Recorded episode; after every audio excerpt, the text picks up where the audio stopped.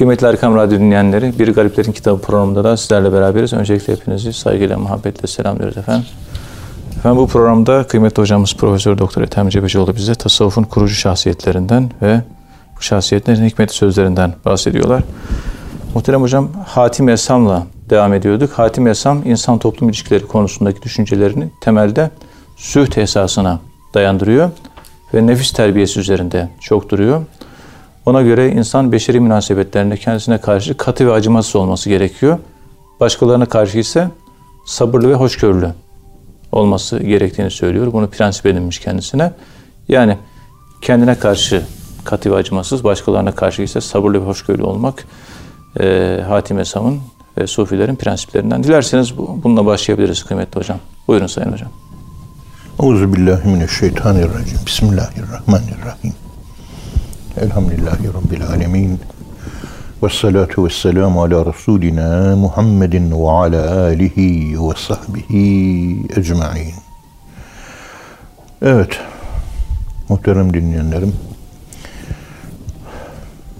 insan işlenmesi gereken bir mücevher ki öyle bir mücevher ki Fususül Hikem'de Muhyiddin Arabi Hazretleri yüzümüzün ortasında bir taş var ya. Evet. Ha, o taş biziz. Hmm, fas. Altın bir yüzüğün ortasındaki o taş biziz. Fas, mücevher. Yüzüğün kendisi değil. Yüzüğün ortasına konan o kıymetli yakut. İşte zümrüt, efendim artık hangi kıymetli taş, elmas. Bunlar. Evet. İşte biz buyuz. Yarı bu yüzüğün kendisine işte fas diyorlar. Yüzüğün kaşı, fas. Evet. O kaşın içine taş, o konan taş biziz. Aslında o yüzüğün kendisi kainat oluyor. Dairesel bir manası var. Evet. Yani yüzük dairesel olur. Ne kadar ilginç ki bütün kainat hep dairesel hareketlerle dolu ve küresel leyl ve nehar kelimeleri, zaman ifade eden kelimeler de ikisi de birisi nehar, yağmur kuşunun yumurtası, leyl de bütün kuş türü hayvanların yumurtası anlamına geliyor. Evet. Küresellik. Kainatın da e, fotoğrafını e, bir tür e, özel ışınlarla çektiler. Muvaffak oldular yani özel böyle enfraruj ışınlarıyla kainatın fotoğrafı çekildi. E, fotoğraf bir kuş yumurta şeklinde. Yani leyl ve nehar kelimesi manası yumurta. Evet. Kainatın kendi doğal yapısı şu anda bir kainat var. Yaratılalı 13,7 milyar olmuş. Bunu da bulmuşlar. Şekli yumurtaya benziyor. Evet. Küresellik. İnsanoğlu işte Alexi Carrel'in dediği gibi insan bu meçhul. İnsan denen meçhul. Ya insan bu meçhul. Yani insan çözülmesi mümkün değil. Çünkü insan aklından ve kalbinden ibaret. Evet. Mevlana dediği gibi bir endişe, bin bir endişe, bin bir fikir, bin bir düşünce, bir de bir damla kan. Bir damla kan. Nefis ve ruhtan ibaret. Evet. Bedenden hiç bahsetmiyoruz bile. Bak dikkat edin. Nefse işaret için bir damla kan. Nefs kelimesinin yedi anlamından bir tanesi de kan anlamına geliyor biliyorsun. O da ayrı bir mesele. Bakıyorsunuz gerek psikologlar, nörologlar, efendim söyleyeyim felsefeciler, aklın kabiliyetleri nerelere kadar uzanmış sınırını bulduk diyemiyorlar. Çünkü hmm. ruhla bağlantılı. Evet. Ruhun sonu yok. Aklın da aslında sonu yok ama bu dünyaya bağlı çalışan aklın sonu var. Sonu var. Bu dünya ve kainatla sınırlı. Ama bunun sınırlı olan aklın bile sınırlarını bilemiyoruz. Evet. Sıçramış akıl, transandantal akıl, duygusal akıl, işte 17 tane zeka türü bilmem ne. Tabi zeka ile akıl aynı mana değil ama hepsi bunlar ruhun e, şeyleri, e, kapasiteleri, Potansiyel. ruhun açılımları, potansiyelleri, kabiliyetleri evet. diyorsunuz. Dolayısıyla insanoğlu e, ancak ve ancak Kur'an-ı Kerim'de mahiyetini anladığımız, anlamadığımız ibadetler var. Evet. Teyemmümün hala manasını bizim ilahiyatçılar bile anlayamadı. Hikmetini. Evet. Ya bilemedim. Ama teyemmüm yapacağız yani. Yaptığımız oluyor nitekim. Gerek oluyor yani. Öyle Evet. yerler var. Daha bilem domuz eti yemeyin diyor. E içinde mikrop yok, bir şey yok. Tertemiz et aslında. Ama yeme diyor. Evet. İçki içme diyor. Demek ki bizim sınırlarımızı Allah biliyor. Sınırlarımız işte Kur'an-ı Kerim'de tilke hududullah fela ta'teduha ve men yeteadde hududallah fe ulaike humuz zalimun. Allah sınırlar çizdi diyor. Evet. Bu sınırları ihlal etmeyin diyor. Yoksa karanlıkta kalırsınız. Zulüm karanlık demektir. Zalimun. zalim Karanlıkta olursun. kalırsınız. Yani kendinizi kaybedersiniz. Evet. İnsanlığınızı kaybedersiniz. Onun için o kutsal kitaplarda Tevrat, İncil, işte Tevrat gerçi ahkam Hz. Musa'ya bağlı olduğu için ahkam kitabı değildir. Ee, İncil e, Tevrat'a uymuştur. Tevrat ahkam kitabı Kur'an-ı Kerim ve diğer artık peygamberlere gelenler oradaki ahkam diye baktığınız her şey ha bu bizim insan olarak sınırımız diye bakıp o gözle incelememiz gerekir aslında. Evet. Ey insanoğlu sen sınırlısın. Bu huduttur. Hudut, had, tanım, tarif, tanımlama anlamına geliyor biliyorsunuz. Evet. Had kelimesi budur. Tarif. Tanımladığın zaman sınırlamış, sınırlamış oluyorsunuz. Onun için sınır, aa, hudut denmiş. Evet. İşte bizim tasavvuf e, şeriatı takva boyutunda yaşayan insanlar bu sınırları görmeye, bulmaya ve deşifre etmeye muvaffak olmuştur. Bir kelamcı yapamamıştır bunu. Onun için Profesör Muhammed Hamidullah ben onca sene Fransa'da yaşadım. Avrupa ülkelerinde gezdim. Her yeri dolaştım diyor. Bir kelamcının, bir fıkıhçının, bir tefsircinin, bir hadisçinin kitabını okup da okuyup da Müslüman olan bir adam göremedim. Görmedim. Evet. İslamiyet ve ihtida olayları hep tasavvuf erbabı üzerinden oluyor. Muhyiddin Arabi üzerinden oluyor. Niye? Mevlana üzerinden oluyor. Niye? Çözmüş. Evet. Bizim Profesör Osman Nuri Küçük doktorasını bende yaptı. Allah razı olsun. Tabii uzun yıllar Mevlana çalıştı. Evet. Uzun yıllarda Muhyiddin Arabi çalışıyor. Hocam insanın şifresini Hazreti Mevlana ve dolayısıyla bizim mutasavvıflar çözmüş. Sufiler çözmüş evet. Çünkü insan hiçbir şeydir, insan her şeydir. Evet. İnsanlar insanları hep tanıma ve kalıba sokmaya çalışıyorlar.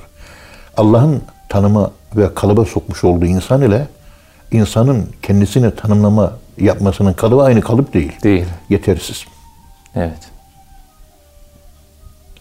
Bunun için modern e, su, e, psikologlar yavaş yavaş varoluşçu psikoloji, yalon e, gibi işte ona benzer pek çok yeni bakıyorsunuz yöntemlerinde bizim e, tasavvuf erbabının kullandığı kutsal kitapları hatırlatan işte Erik Fromm vesaire pek çok uygulamalar, pek çok yeni gelişimler ve açılımlar görüyoruz. Evet.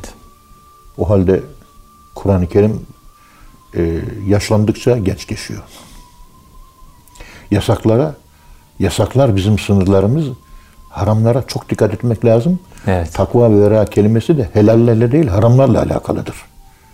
Biliyorsun takva Evet. haramlardan sakınmak. Sakınmaktır. Yok helalle tanımlamıyoruz. Haram kavramı üzerinden takvayı, verayı tanımlamıyor muyuz? Evet. Anladım. o, o tanımlama e, yasaklar konusunda ciddi oluyorsanız işte rahmetli Sami Efendi Hazretleri faiz konusunda çok titizdi, çok dikkatliydi. Bankanın önünden geçmeyin. Zikir durur derdi kalpte. Kendisi geçmezdi. Evet. Halbuki faiz demiyorsun. İçine de girmiyorsun. Muamele de yapmıyorsun. Önünden geçmek günah mı? Değil. Ama bir faizde insandaki sınır neyse belirtilmiş. Belirtilmiş. Yok belirtilmemiş aslında. Ama onu belirleyecek olan bizim tecrübelerimiz, bireysel tecrübelerimiz. Önünden geçmiş, zikirin durduğunu görmüş Sami Efendi Hazretleri. Kalp zikrinin. O kadar etkiliyor yani. Etkiliyor. Çok ilginç. E, sınırlarımız bunlar işte bizim. Evet. Bu sadece bir faiz üzerine bir konuşmaydı. O kadar. Kur'an-ı Kerim'de o faiz anlatılırken yetehabbetuhu şeytanu minel mes şeytan çarpmış gibi kabirlerinden kalkacak. Şeytanın çarpması olayı nedir acaba? Bugün nefis, e, ne tefsirciler açıklayabiliyor, ne Evet. hadisçiler açıklayabiliyor. Evet. Şeytan sensin. Sen kendini çarpıyorsun. Yani kilitlenmiş olarak kalkacak mezardan. Karanlıklar içerisinde. Karanlıklar içerisinde zincirleriyle kalkacak. Özgür olamayacak. Tasavvuf özgürlük hareketidir. Ruhun, nefsin bağımlılığından kurtuluş hareketidir. Evet. Onun için her tarafa açıktır. Her tarafa açık olduğu için de her tarafa açık olmayıp kilitli olan insanlar kilitsiz, kilitlerini çözmüş tasavvuf erbabını anlayamamışlardır. Evet. Tasavvuf tarihi bunlarla dolu. Ta öldükten bin sene sonra aa Hallacı Mansur böyle demiş. Öyle mi ya diyor. E çözmez bin sene önce çözmüş. Şifreyi çözmüş yani. Çöz- şifre çözülmüş. Evet. Ve şifre Kur'an'da var. Özellikle insanın sınırları haramlardır. Helaller değil. La ilahe. Yasak, yasak alanı. Evet. Ey insan senin sınırın buraya kadar. Ben seni yarattım. Bak bir sınırı çiziyorum. Bu öbür tarafa atlama olur mu? İçki içme, kumar oynama. Faiz yeme. e, Dedikodu yapma. Öz yıkım. Tahribat. Biz modern hayata Cumhuriyet'ten sonra adapte olmaya çalıştık. İşte e, Doğu Batı arasında İslam adlı eserinde Aliya İzzet Begoviç yapılan devrimleri böyle görüyor. Sen özde Türksün ve Müslümansın. Senin devrimin öze yönelik olması gerekirken dışa yönelik oldu. Evet. Yani kendini başkalaştırdın, ötekileştirdin, alien yaptın, alienation. Türk devrimi, tabii o Batılılaştık. 1923'ten sonra yapılan devrimlerin hepsinde bu yabancılaşma problemi var diyor Aliya İzzet Begoviç. Evet. Batılılaşma aynı zamanda yabancılaşma. Tamam. İşte buna asimilasyon diyoruz. Evet. Ya batılı güçler gelip askerlerini Türkiye'ye sokup bizi asimile etmediler. Ama Fransa Cezayir'e girdi, asimile etti. Evet. 5 milyon, 6 milyon Alceryan Cezayirli yaşıyor şeyde, e, Fransa'da. Fransa'da. Çoğu da laisize olmuş, sekülerize olmuş, batılılaşmış. Evet maalesef. Ang- Anglo-Sakson kültüre göre kafa yapıları akılcılaşmış, İslam'dan uzaklaşmış insanlar Cezayirlilerle dolu bugün Fransa. Bakıyorsun hakiki öz Cezayirli'ye benzemiyor. Başkalaşmış, mütasyon geçirmiş. Kültürel mütasyon geçirmiş. İşte asimilasyon, asimilasyona uğradıktan sonra siz siz olmayı, kendi öz kimliğinizi kaybederseniz o zaman demolition, Yıkım oluyor. eliminasyon, yıkım ve yok oluş, eliminasyon, Evet. elimine olmak, yok olmak. Yani kendi. Asimilasyon, eliminasyon. evet. Şu anda biz e, ben çocukluk yıllarında Osmanlı kültürünün son kırıntılarını gördüm. Yaşıma yetmiş. Yeni nesil hiçbir şey bilmiyor. Hiçbir şeyden haberi yok. Yani gelenekle alakalı pek. Öyle. Bağımız kalmamış. Şimdi dolayısıyla az önce Hatem-i Esam'ın bu toplum ilişkileri ve insan ilişkileri konusundaki dualiter e, irtibatlar konusundaki düşüncelerini, züht hayatını işlerken Evet. yani e, dünyaya rağbet etmeme konusunu işlerken üzerinde durduğu nefis terbiyesi kavramına dayanması son derece normal. Çünkü nefis terbiyesi işte bu yasaklar üzerine dayanıyor. Nefis hayvandır biliyorsun. Evet. Ve hepimizde vardır. Ve o yönüyle şeytandır. Benim nefsim vardı. Şeytandı. Ben onu Müslüman yaptım. Artık bana kötülüğü emretmiyor diyor. Peygamberimiz sallallahu aleyhi ve sellem Efendimiz. Yani hepimiz bir yönümüzde gayet yakışıklı bir hayvanız. Evet. Ve hayvan olmak da her zaman söylediğim gibi bir tasavvufta makamdır. Çünkü hayvandan aşağı makamı var. Esfel-i safilin var. Esfel hayvan, Esferi sa- safi. safil hayvan, esfel-i safil hayvandan da aşağı. Aşağıların aşağısı. Bugün Freud'un psikolojisi e, safilin hayvan psikolojisine dayanan bir insanı anlatıyor. Jung biraz onu yukarı çıkarmış. Nefs emmare yani. O Jung biraz yukarılara taşımıştır onu. Evet. Onun tıkandığı yeri görmüştür. e, Doktor Sigmund Freud'un tıkandığı yerleri görmüştür. Onun üzerinde bir insan, işte insan, ecce, homo.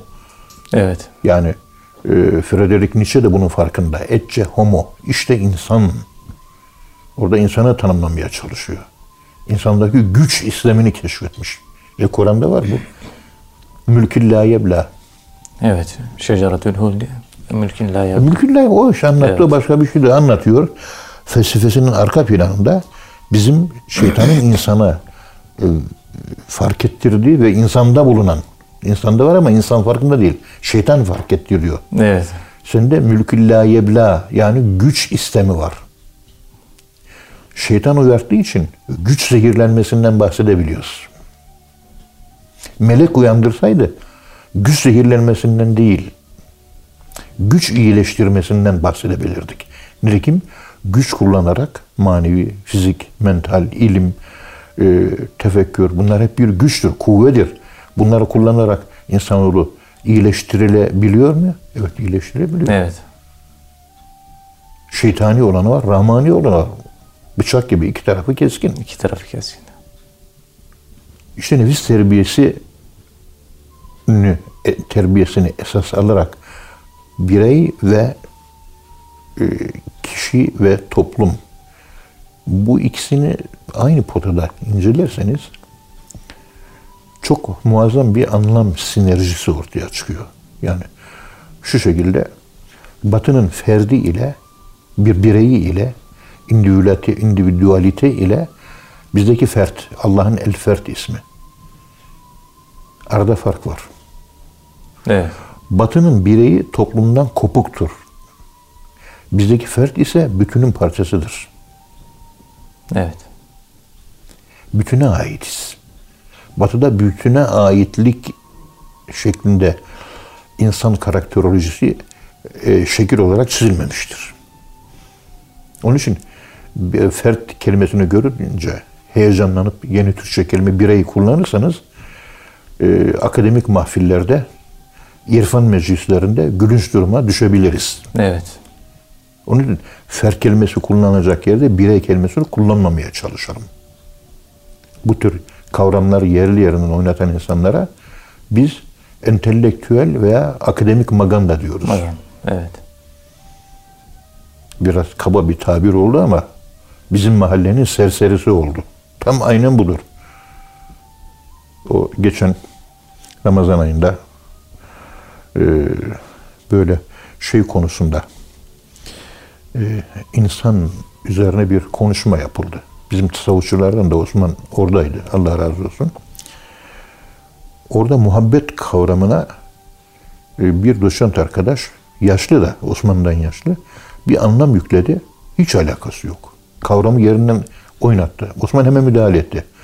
Siz bu tarifle muhabbeti anlatmaya çalışırsanız çarpık sonuçlar ortaya çıkar dedi. Doğrusu bu dedi. Osman anlattı. Oradaki doçent arkadaş o programda anlayamadı. Yine eskisine benzer dönüştüremedi de birdenbire kendisini. Yanlış kodlamış zihnindeki o kavramları. Söyleyince Osman biraz daha açık etti. Ondan sonra adam biraz utandı, rezil de oldu ama bir insanın orada utanması mı esas? Kavramın yerli yerince anlatılması, anlaşılması mı esas?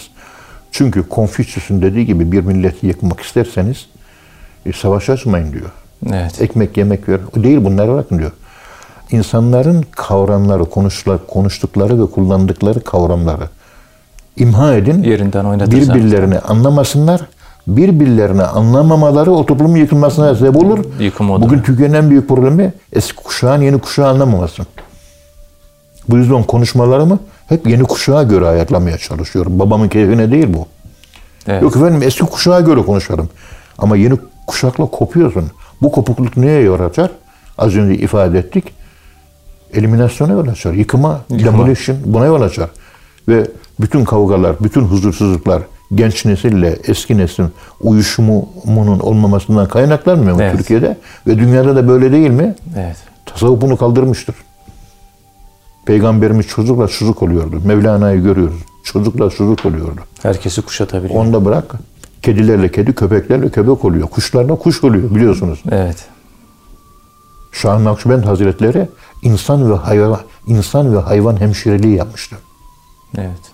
Hayvan, 7 sene köpeklere hizmet etti. hayvanlara hizmet etmiş. Beş, e, yaşadığı şehrin, Buhara şehrinin köpeklerine Şah Nakşibend Hazretleri bütün hasta hayvanlara bakmış, terbiye etmiş, yaralarını tımar etmiş, iyileştirmişti. 7 sene hayvan hemşireliği.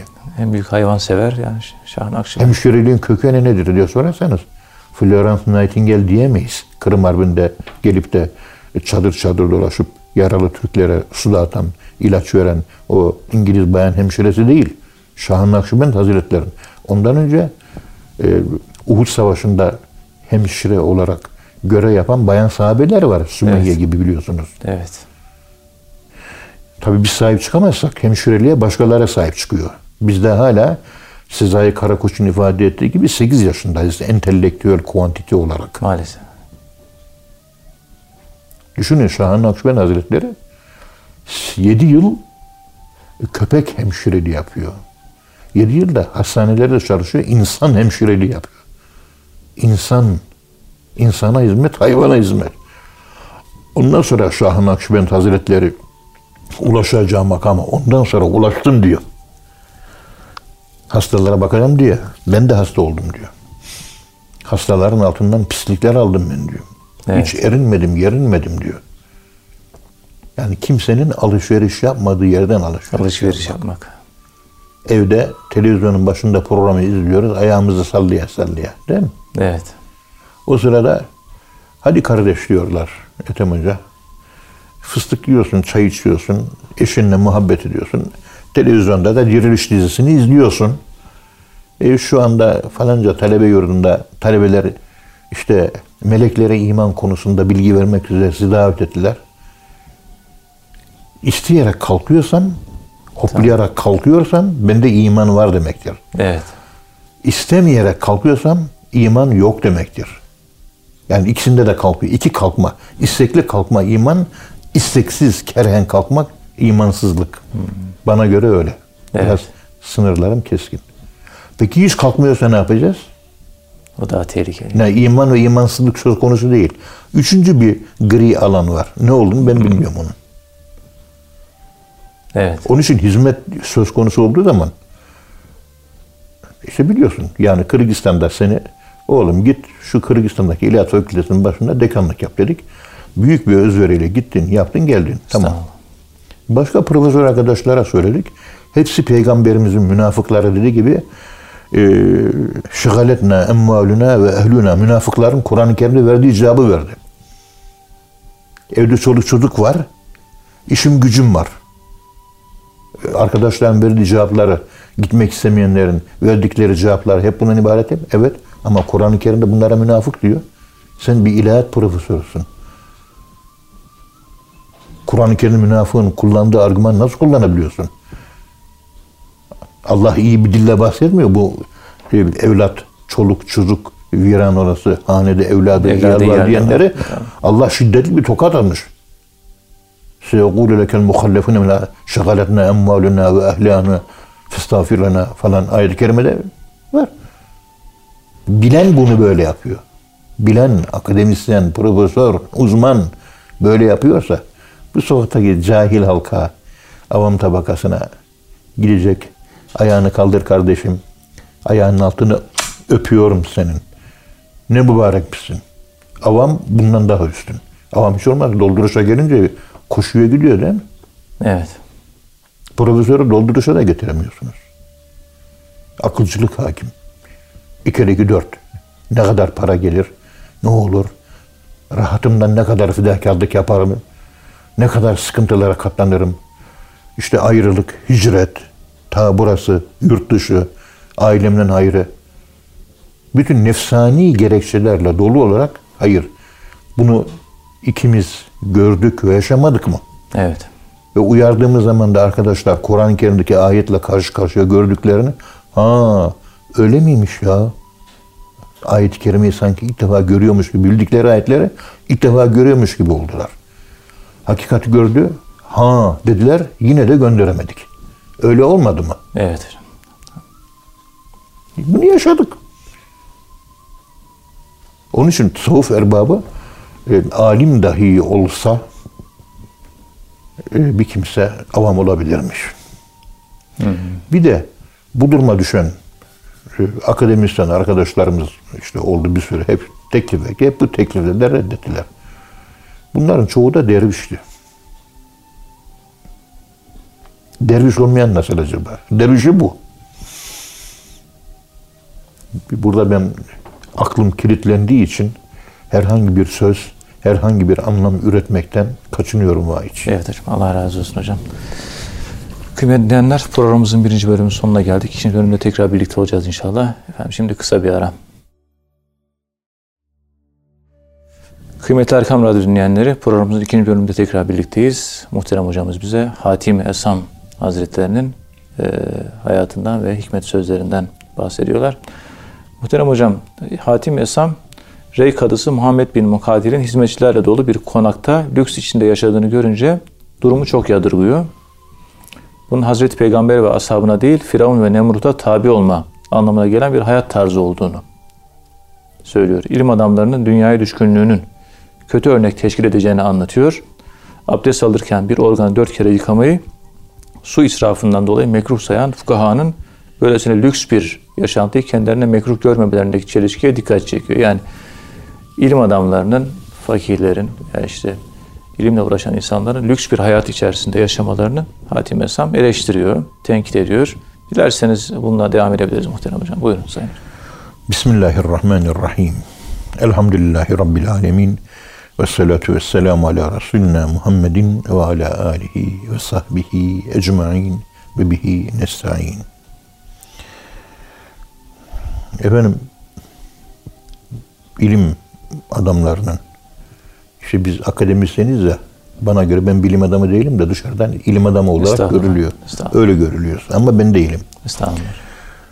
Bu yaşama, giyim kuşam, hayat stili, life stil, efendim söyleyeyim görüntü, ambiyans, vitrin, e, manzaramız sade olmalı. Yani israf her şeyde. israf. Sade olmalı o kadar. Evet. Peynir, ekmek, çay, yiyen insan olmak. Musa Topbaş Efendimiz Hazretlerini gördüm diyor. İlhar Armutçuoğlu Hoca.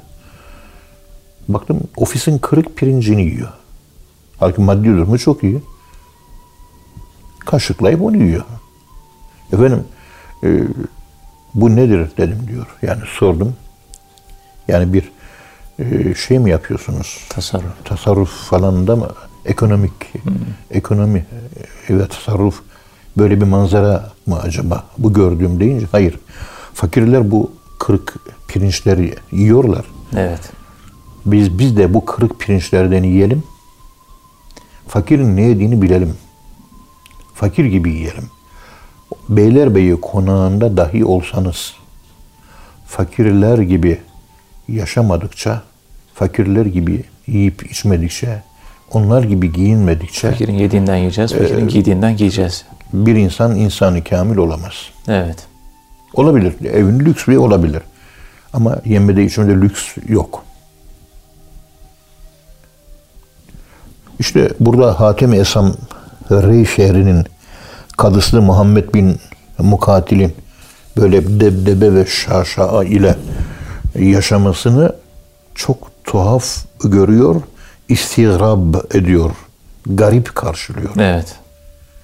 Çünkü biliyorsunuz her zaman söylüyoruz konuşmalarımızda. Banyo yapıyorsunuz evimizde değil mi? Bol bol su harca problem değil. Evet. Temizlik yapıyorsunuz. İşte kese atıyorsunuz, sabunlanıyorsunuz. İşte lif vesaire. Serbest. Vücut temizliği. Abdest almak vücudun maddi temizliği manasına değil. Hadesten, metafizik fizikten vücutta biriktirmiş bedenin içinde dolaşan, sinirlerin içinde dolaşan güneşten dolayı, ışıktan dolayı insanların bakışlarından nazar, insanı yıkan nazar Evet. sinir sistemini etkiliyor. Bu nazar nasıl da bir şey. Ve insan pat yere düşüyor nazardan dolayı. Bu tür bilemediğimiz elektrik değil aslında ama bir kelime ben bulamadığım için elektrik. Bir tür elektrik, biyoelektrik. Bunlardan dolayı meydana gelen bütün vücudumuz, mesela şu anda elim bak havada duruyor. Şu pencere Pencereden de ışık geliyor, değiyor. Kirleniyor. Evet. Işık kirlenmesi yaşıyoruz. Bir tür e, yani elektrotlar oluşuyor. Elek, e, yani elektronlar oluşuyor. Böyle Faraday'ın kafesinde olduğu gibi elektronlar kafesin çevresinde oluşuyor. Vücudun bütün her tarafında. Onun için güneş değen yerler abdest alıyor. Yüz güneş görüyor yıkıyoruz. Kafa güneş görüyor su değdiriyoruz. Su nötralize ediyor. Nötralize ediyor. Yaratılış arkemisi. Başka? Toprak yaratılış arkesi. Evet. Su bulamayınca fe innem tecidu ma'en feteyemmemu sa'iden tayyiben. Toprakla abdest alın diyor. Evet. Yaratılış arkemiz. E suya ve toprağa temasımızla yaratılışımızın ilk arkesi su ve toprak. Çamur biliyoruz. Çamur sudan toprakla meydana gelir. Suyla abdest almak o elektriği yok ediyor. İnsanın iç dünyasında, akıl dünyasında, düşünce dünyasında nasıl tarif edeyim? Kainatın yıkıcı güçlerini insanın beyninde harekete geçiren Evet. yapılar oluşuyor. Bunu yakinen sen de yaşadın biliyorsun. Sana da izah etmeye çalıştım. Evet. Biraz da zor anlattım sana bu konuyu. Sensin. İyi bir şey düşünüyorum. Çok güzel şeyler. Melek gibi. Sensin melek. Şeyatinel ins. Evet. Şeyatinel cin. Olduğu gibi melek insan da olur. Melek görmek isteyen Sami Efendi'ye baksın diyor Esad Erbil Hazretleri. Sen Evet. bu düşünce ayrı bir şey. Sen sen düşüncesin, düşüncensin. Kendisi. Düşüncenden ibaretsin. Bizim şey, e, melek dediğimiz ve şeytan dediğimiz düşüncemiz. Düşüncemiz de biziz. Evet. Sen şu anda kötü düşünüyorsun. Sen şu anda şeytansın. Şeyatinel ins grubuna girdin.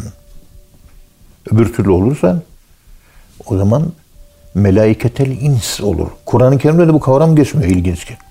Çünkü insanın e, beraat-i zimmet asıldır. Yapıda temizlik esastır. Temizlik esastır. Evet. Onun için melek, melaiketel ins kelimesi, melaiketel cin kelimesi kullanılmıyor. Halbuki iblis melek gibi bir cin imiş. Melekleşmiş bir cin. Melekleşmiş insan gibi meleklere ders veriyor, hocalık yapıyor iblis biliyorsunuz. İblis evet. He?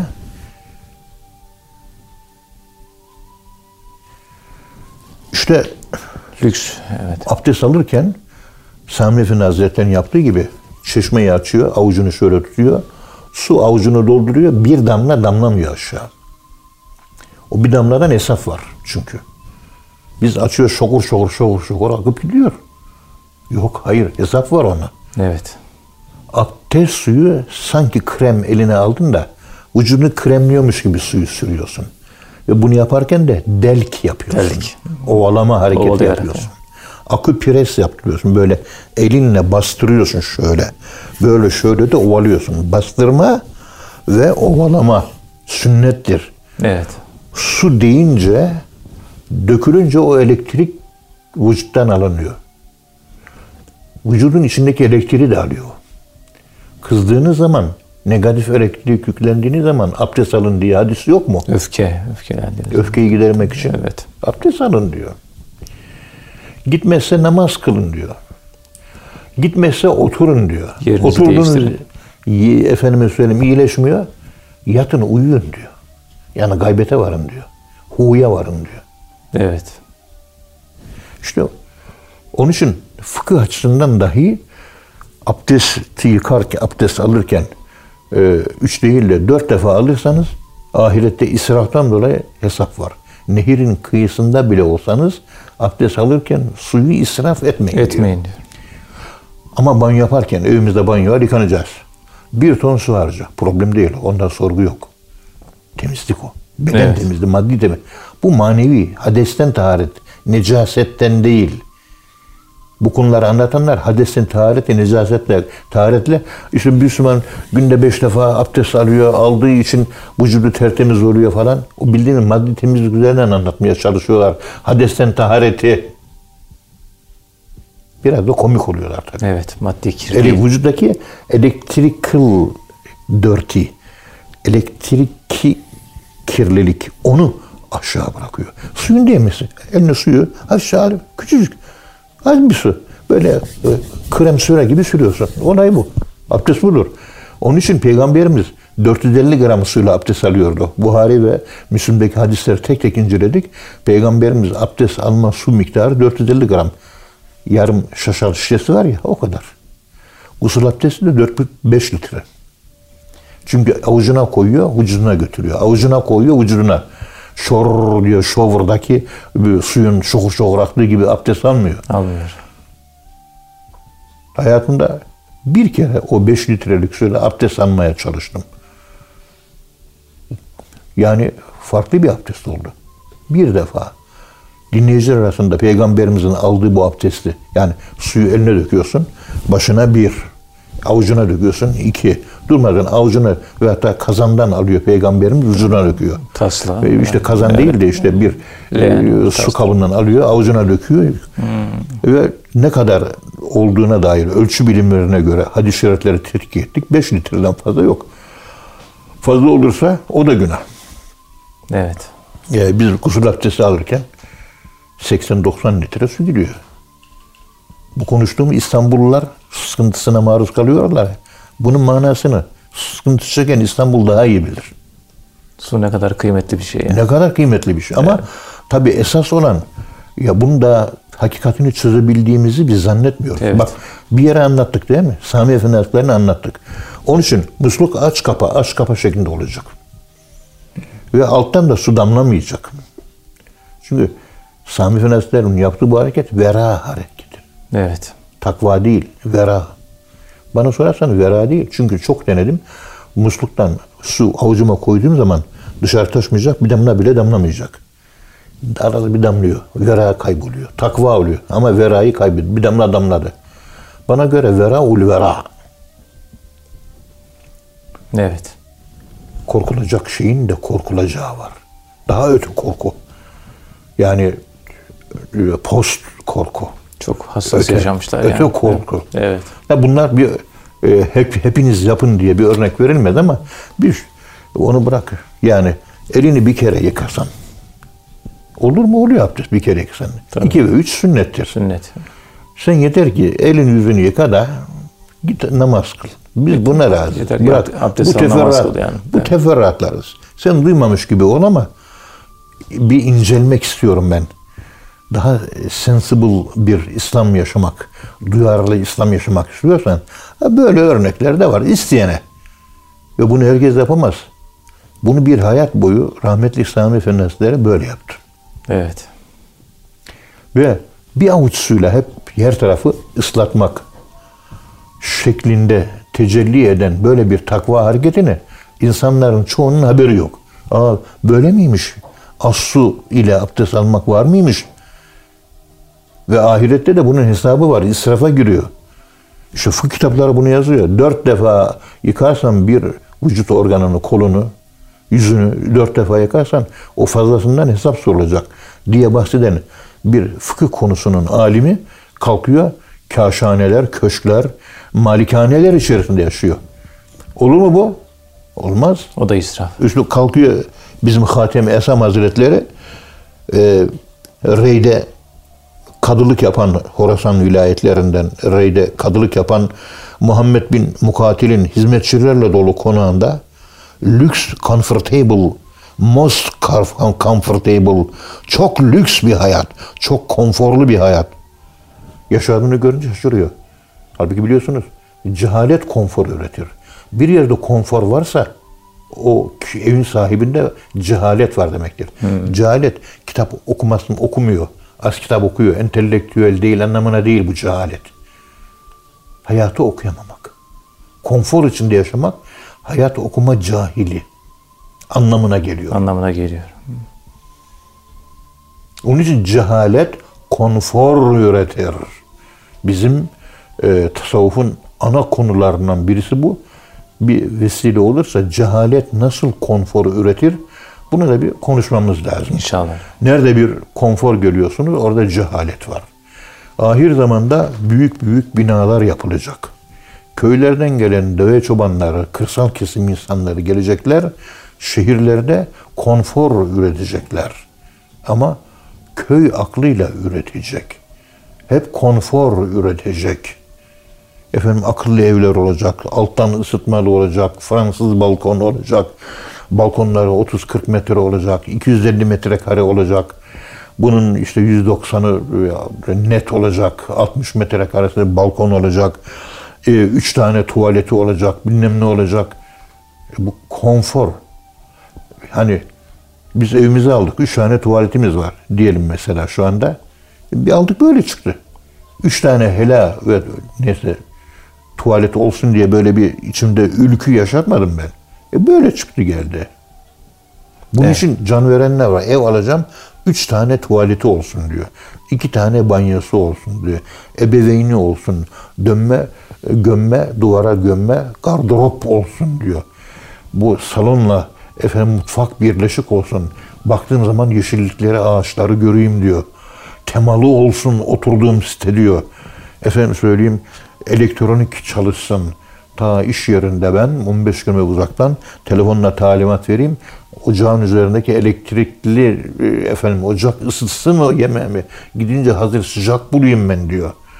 Pencereler otomatikman açmaya ayarlıyorum. Telefonumla açıyorum, kapatıyorum. Bütün bunların arayışı insandaki cehaleti gösterir. Buna dikkat edin. Metafizik cehalet diyoruz. Bu da Kur'an-ı Kerim'de şu ayette sabit ya'melûne su'e bi cehaletin. İnsanlar günahı cehaletle işler. Şimdi otursun Ebu Zer içki içiyor mesela diyelim değil mi? Ebu Zer yavrum sen içki içiyorsun. Günah değil mi? Hocam vallahi günah diyor üzülüyor. Belki de ağlıyor. Günah olduğunu bile bile bildiği halde içen kişiye cahil deniliyor. Yani bilmeyene Günahlarımızın çoğunu işte dedikodu günahı. Bütün kadınlar WhatsApp gruplarında erkekler dedikodu yapmıyor mu? Yapıyorlar. Hep ondan bundan haber alıyor. O havuzda toplanıyor WhatsApp grubunda. WhatsApp grubunda 150 kişi var. Hepsi günaha giriyor. Falan canım diyor.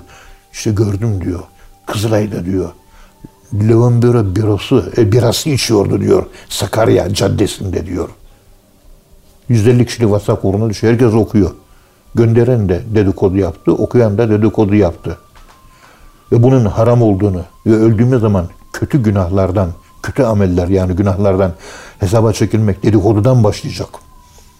Salih ameller namazdan başlayacak. Zirve bir günah dedikodu. Çünkü en çok girdiğimiz günah. Maalesef. Hadis-i şerife göre katilsin. Senin katilliğin sorgulanmayacak. Zina yaptın. Zina sorgulanmayacak. Kumar o kumar sorgulanmıyor. İlk yani sorgulanacak da ilk başta bunlardan da üstün günah dedikodu günahı. Ve la yagteb ba'dukum ba'da yuhibbu ahadukum en ye'kule lahme ahihi meyten fekerihtumuh. 12 numaralı e, Hucurat suresinin ayeti. Böyle değil mi durum? Evet. İşte bunlara dolayısıyla entelektüel de olsa, profesör de olsa, günah olduğunu bildiği dedikoduyu çatır çatır yaparak cahil ünvanını alır mı? Evet, yakışıklı bir cahil. Yani bilgili bir insanın cehaleti, bilgisiz bir insanın cehaletine göre yakışıklılık veyahut da yakışıksızlık cehaleti. Gayet güzel, efendim söyleyeyim, e, makyajlı bir cehalet oluyor. Yakışıklı. Profesör dedikodu yaptı kelimesiyle köylü Ali Dayı dedikodu yaptı arası ifadelerinde anlam olarak insanın zihin dünyasındaki sarsıntı acaba kaç derece şiddetli e, quake, deprem sarsıntısı e, meydana getirir? Cahil yapar. Ama entelektüel de yapıyor. Yok. Evet hocam. Ya cahillik dediğimiz bu. Demek ki kadı cahilmiş burada. Onun cehaletini görüyor. Biliyor yani debdebenin, şaşanın mahsurlu olduğunu kadı e, efendime söyleyeyim Muhammed bin Mukatibi biliyor. Bilmesine rağmen lükse dalması onun cahil olduğunu gösteriyor. Evet. Bildiğimiz alimlik, cahillik değil bu. Kadı da olsa cahil olabiliyor. Bir tür metafizik cahillik diyoruz biz buna. Evet. Tabi bunları Firavun'a ve Nemrut'a benzetiyor. Bu modern insan çağımızda hepimiz vahidçim, hepimiz Nemrut gibi ve Firavun gibi yaşıyor. Yaşantımız Nemrut ve Firavun gibi. Çünkü bu lüks içerisinde yaşıyoruz ya. Bilinç altına, bilinç dışına bu nasıl yansıyor? O yansıyan şey bizi nasıl inşa ediyor? İşte hizmete gitmiyor kimse. Evet. Oturmayı seviyor. Fındık fıstık yiyip hanımın elini okşayıp Ertuğrul dizisi izliyor. O hale geldik. Çoluk çocuk yandaki odada internete dalmış namaz niyazı yok. Hiç aklına getirmiyor. Gayet mutlu bir şekilde çayını kahvesini yudumluyor. Fıstığını, leblebisini yiyor. İşte muhabbet ediyor. İşte evde bu hayat böyle geçiyor. Ne yapacağız bilemiyorum. Evet. Yani Müslümanı da böyle, entelektüellerimiz de böyle, dervişimiz de böyle. Hepimiz böyleyiz. Evet hocam Allah razı olsun. Ağzınıza sağlık.